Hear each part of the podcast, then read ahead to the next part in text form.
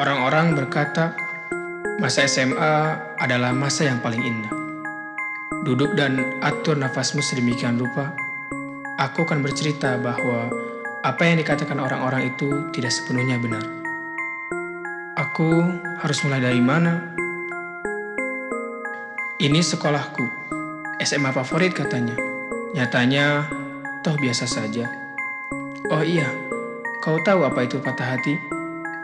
Perasaan di mana ketika kau rela mati-matian berjuang, yang diperjuangkan tak pernah sadar diri. Atau ketika teman terdekatmu dengan tega menancapkan belati di punggungmu, lalu membiarkanmu mati secara perlahan. Atau kau pernah dengar yang satu ini? Tempat yang didesaki orang-orang haus akan ilmu, tetapi tempat itu pula yang membunuh ide dan kreativitasmu. Ekspektasi jauhi realita ternyata.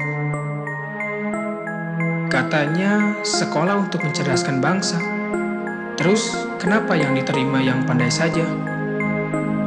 Ironinya, yang punya banyak harta bisa punya akses cepat layaknya mengedipkan mata.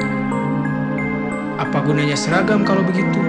Jika tujuan pemerataan, tapi pada akhirnya juga pengelompokan. Lantas, yang tidak kaya harta, bagaimana?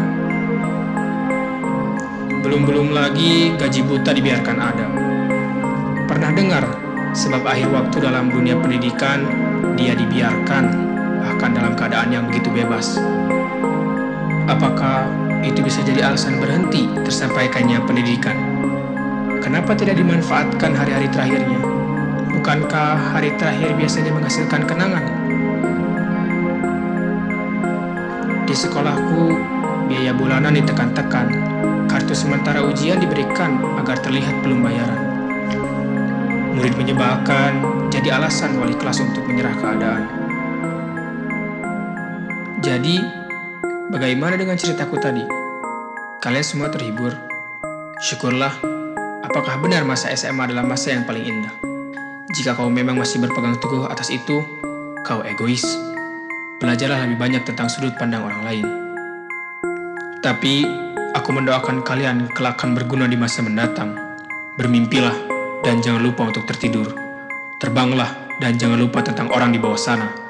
Arungi lautan dan jangan lupa akan daratan. Dan patut dihargai mereka semua wahai tenaga pekerja pendidik. Dengan ini sebuah apresiasi dan suatu hormat kami kami sampaikan dengan suatu kepedulian agar bisa memperbaiki keadaan untuk nantinya bisa menghasilkan bibit kehidupan yang merdeka. Terima kasih teman-temanku Terima kasih, guruku. Terima kasih, Semansa.